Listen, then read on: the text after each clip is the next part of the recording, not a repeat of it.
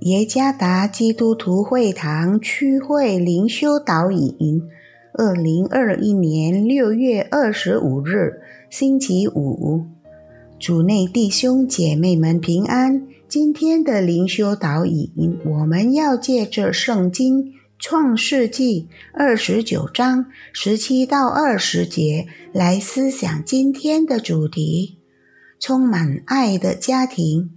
作者李永峰牧师，《创世纪》二十九章十七到二十节。利亚的眼睛没有神气，拉杰却生得美貌俊秀。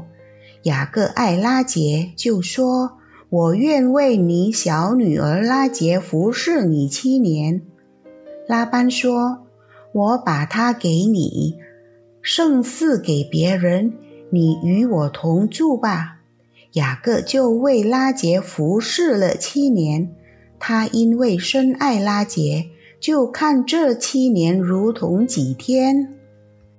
没有一个家庭是完美的，这也是圣经所描述的。圣经中对家庭的所有描述都是有缺陷的。其中之一，我们可以从雅各建立家庭的故事中学习。参看《创世纪》二十九章到四十九章。从雅各和拉杰的故事中，我们可以学习到的一件事：建立一个家庭最重要的基础是爱，不是因为年龄或父母的催逼。更不是为了满足情欲，没有爱，婚姻将很难维持。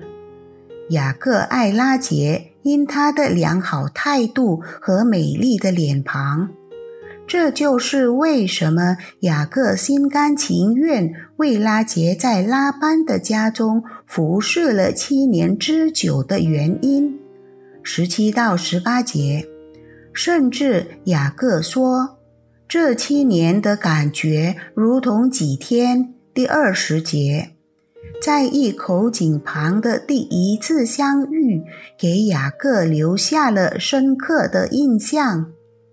结婚之前，我们必须首先具有正确的婚姻和家庭观念。